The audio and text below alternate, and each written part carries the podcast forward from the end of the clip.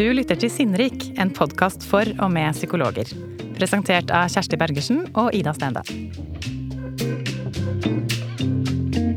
Her sitter jeg med Katarina Morken, ph.d., psykologspesialist og førsteamanuensis ved Universitetet i Bergen, samt seniorforsker ved Avdeling for rusmedisin på Haukeland universitetssykehus. Velkommen, Katarina. Tusen takk skal du ha.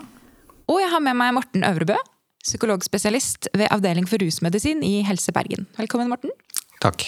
I dag så hadde dere et seminar om mentaliseringsbasert terapi for samtidig personlighetsforstyrrelse og ruslidelse. Og da vil jeg spørre deg først, eh, Katarina. Hva vet vi om sammenhengen mellom personlighetsforstyrrelse og ruslidelser? Ja, det kan jeg jo si eh, litt om. Mm. Um, vi vet i alle fall det at um, personlig forstyrrelse er veldig tett uh, og ofte henger sammen med ruslidelser. Det er en av de vanligste komorbide lidelsene ved personlighetsforstyrrelse og vice versa. Og um, ja, jeg vet ikke om du vil høre litt om, om tallene for Gi det? Meg gjerne noen tall. Ja. ja. For det er jo gjort uh, forskning, det er gjort uh, forskjellige typer forskning. Men uh, det som jeg har forholdt meg til i foredraget vårt, er store systematiske oversiktsartikler som har sett på frekvensen av personlighetsforstyrrelser blant ruspasienter. Det ene studiet. Og der fant de at det er over halvparten av ruspasientene våre som også har en personlighetsforstyrrelse samtidig. Og dette er veldig viktig fordi meg og Morten vi har jo jobbet i TSB, tverrfaglig spesialisert rusbehandling, i mange år med dette MBT-teamet vårt. Og det som er viktig med dette, er det at hvis du skal jobbe i TSB med ruspasienter, så må du også ha en formening om personlighetsproblematikk. Fordi denne samfrekvensen er så høy. Ja, nemlig. Ja. Ja. Hvilke, hvilke, personlighetsforstyrrelser er det det oftere, oftest dreier seg om? Eh, ja, altså der er jo det forskjellige studier på dette også, men det vi ofte ser er at antisosial personlighetsforstyrrelse, emosjonelt ustabil personlighetsforstyrrelse, er de to vanligste diagnosene som man finner blant ruspasienter. Og så er det paranoid personlig forstyrrelse finner man også ofte, men også unnvikende kommer litt under der igjen, som en vanlig forekommende diagnose. Okay. Og disse personlighetsforstyrrelsene kan også være komorbide? Eller de forekommer hos samme pasient? Ja, altså pers Personlighetsproblematikk ja. er jo nå eh, Nå får vi jo snart nye diagnosemanualer ja. for dette. Og det er jo et dimensjonelt fenomen.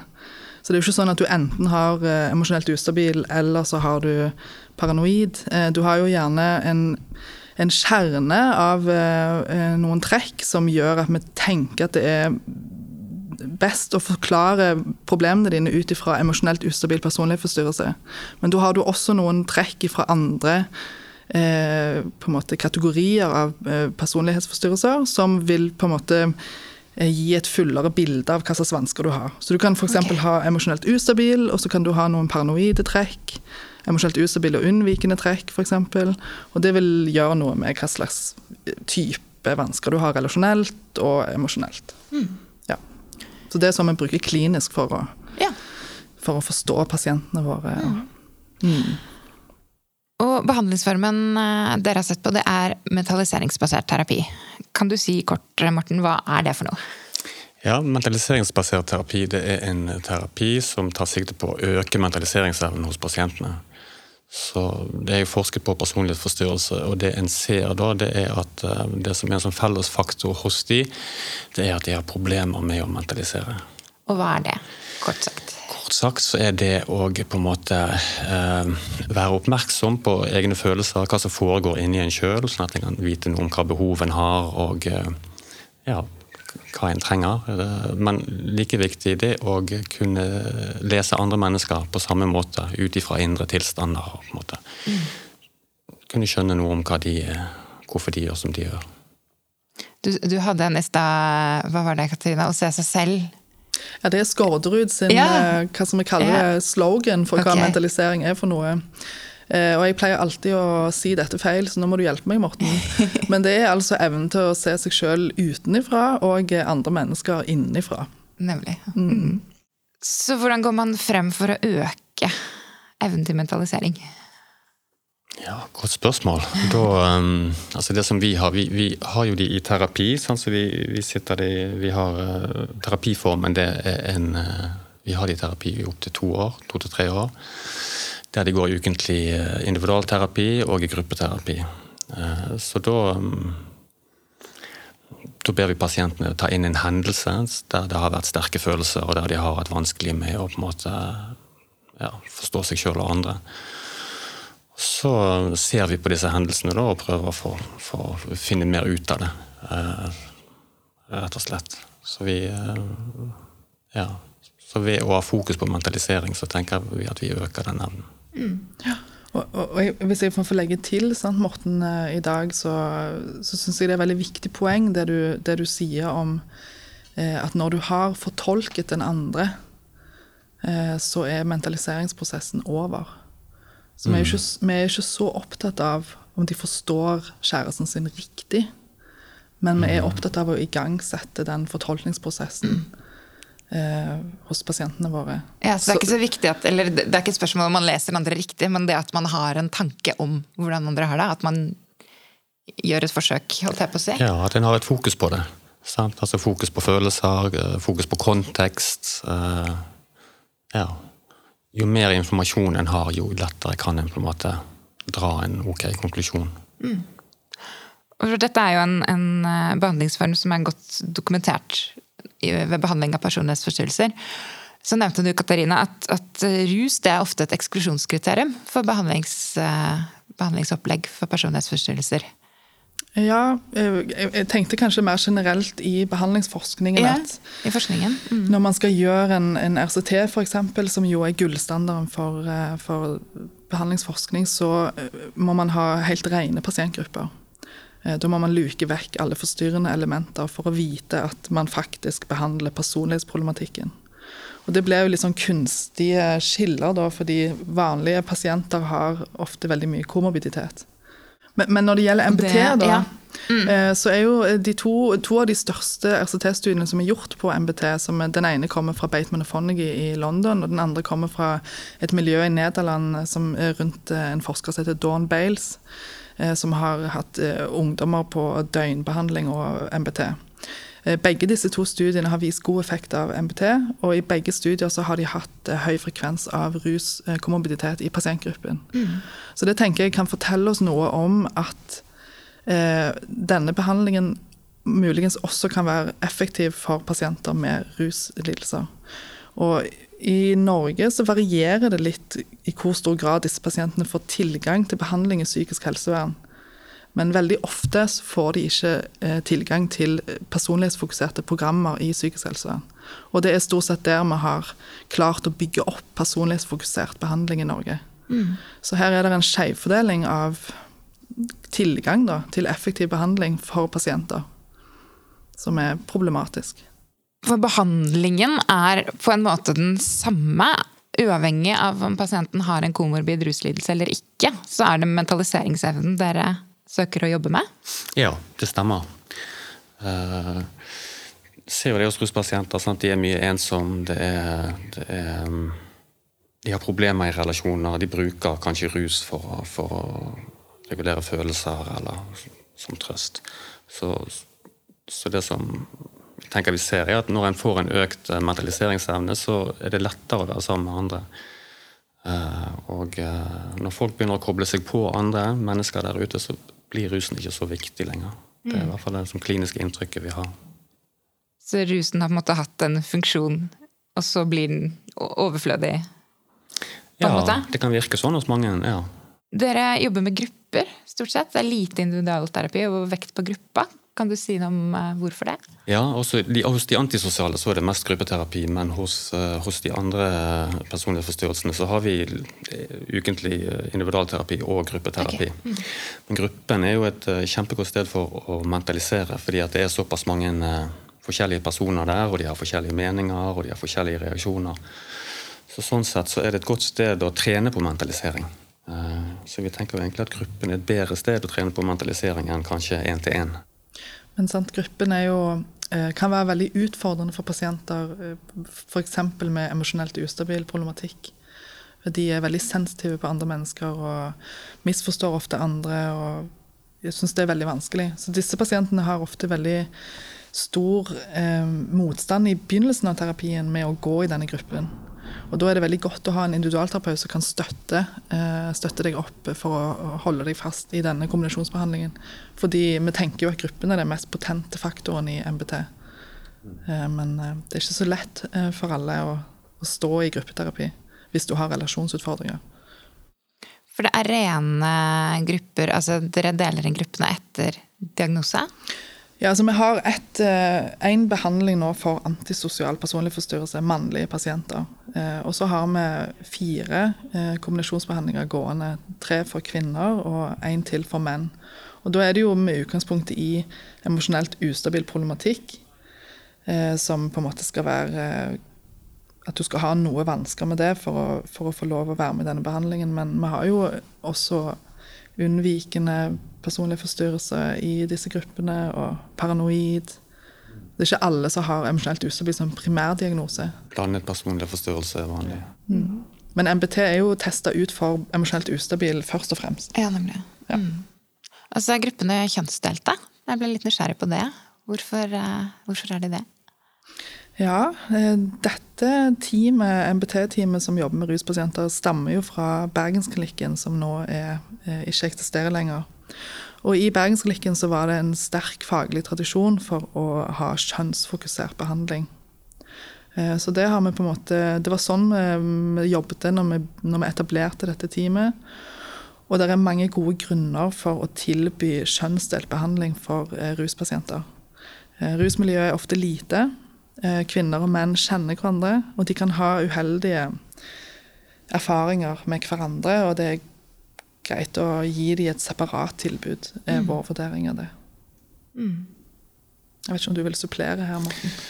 Jo, nei, jeg er enig i det. Sant? Og vi ser jo med antisosial uh, problematikk og i de gruppene der, så tenker jeg at det ikke ja, nei, det, det ville ikke vært så hensiktsmessig å ha altså, det er mer guttegjengen uh, som sitter der. Uh, og de har vel spesielt kvinnesyn òg, kan vi vel si.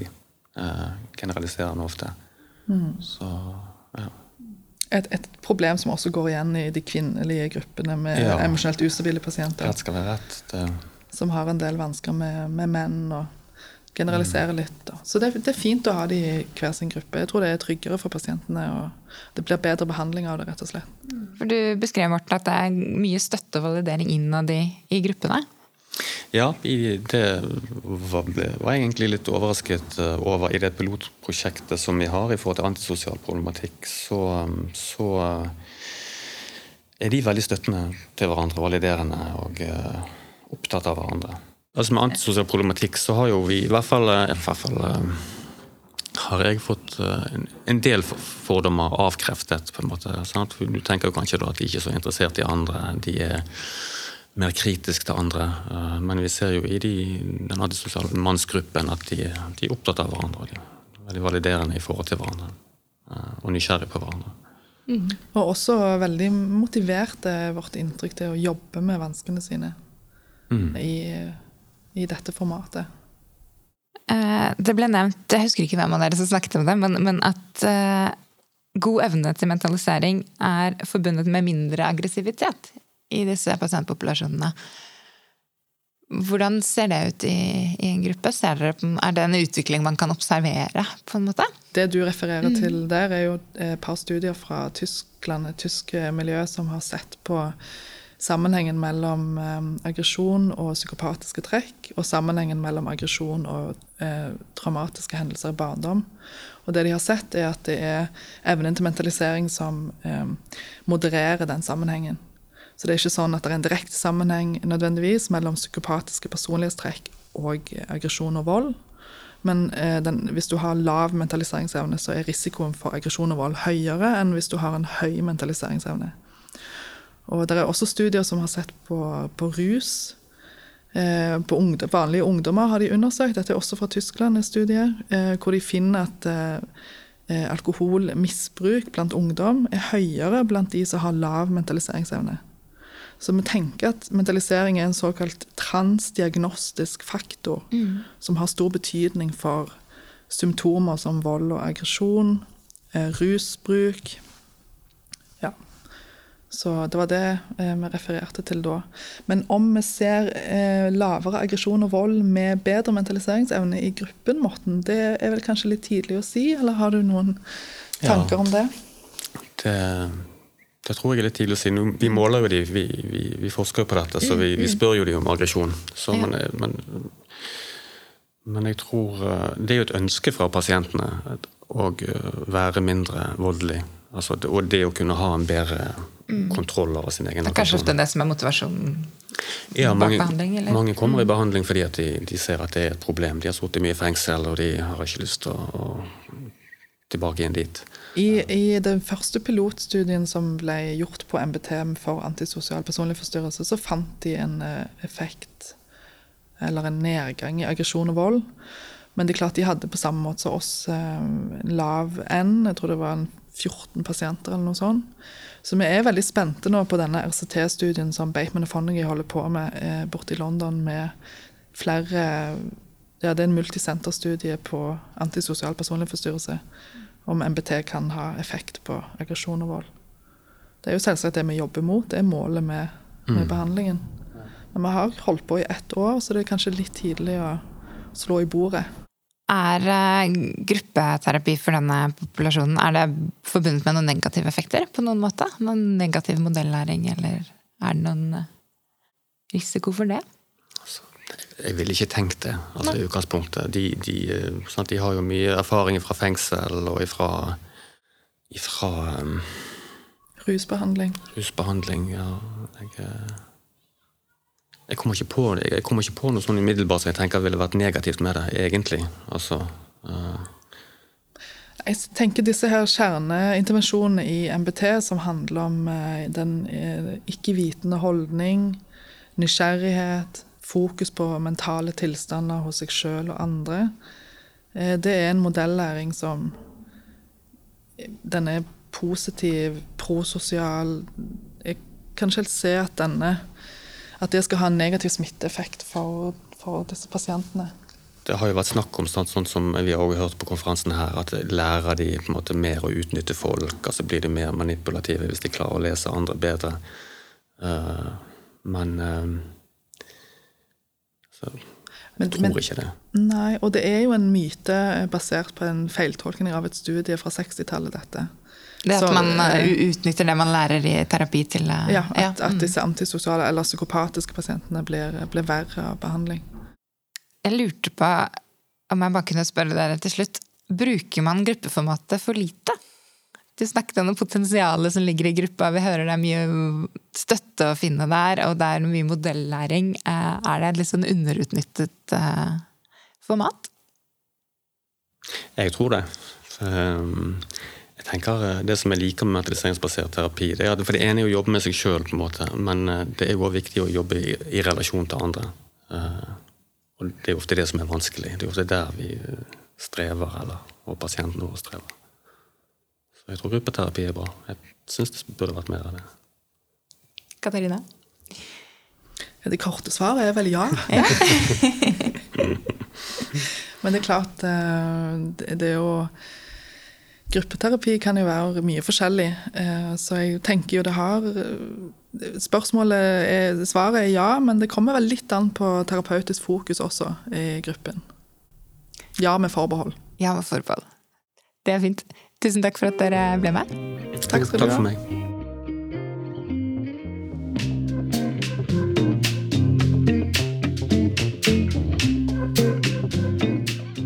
Har hørt en episode av Sinnrik, en podkast fra Gyllendal. Denne episoden tok vi opp i Stavanger Forum, og lyd har vært ved Videoassist. Produsent for episoden var Andrea Krüger, og jeg heter Ida Stendal. Hvis du vil få mer lesetips og informasjon om nye episoder, følg oss på Instagram, Sinnrik podkast. Takk for at du hørte på.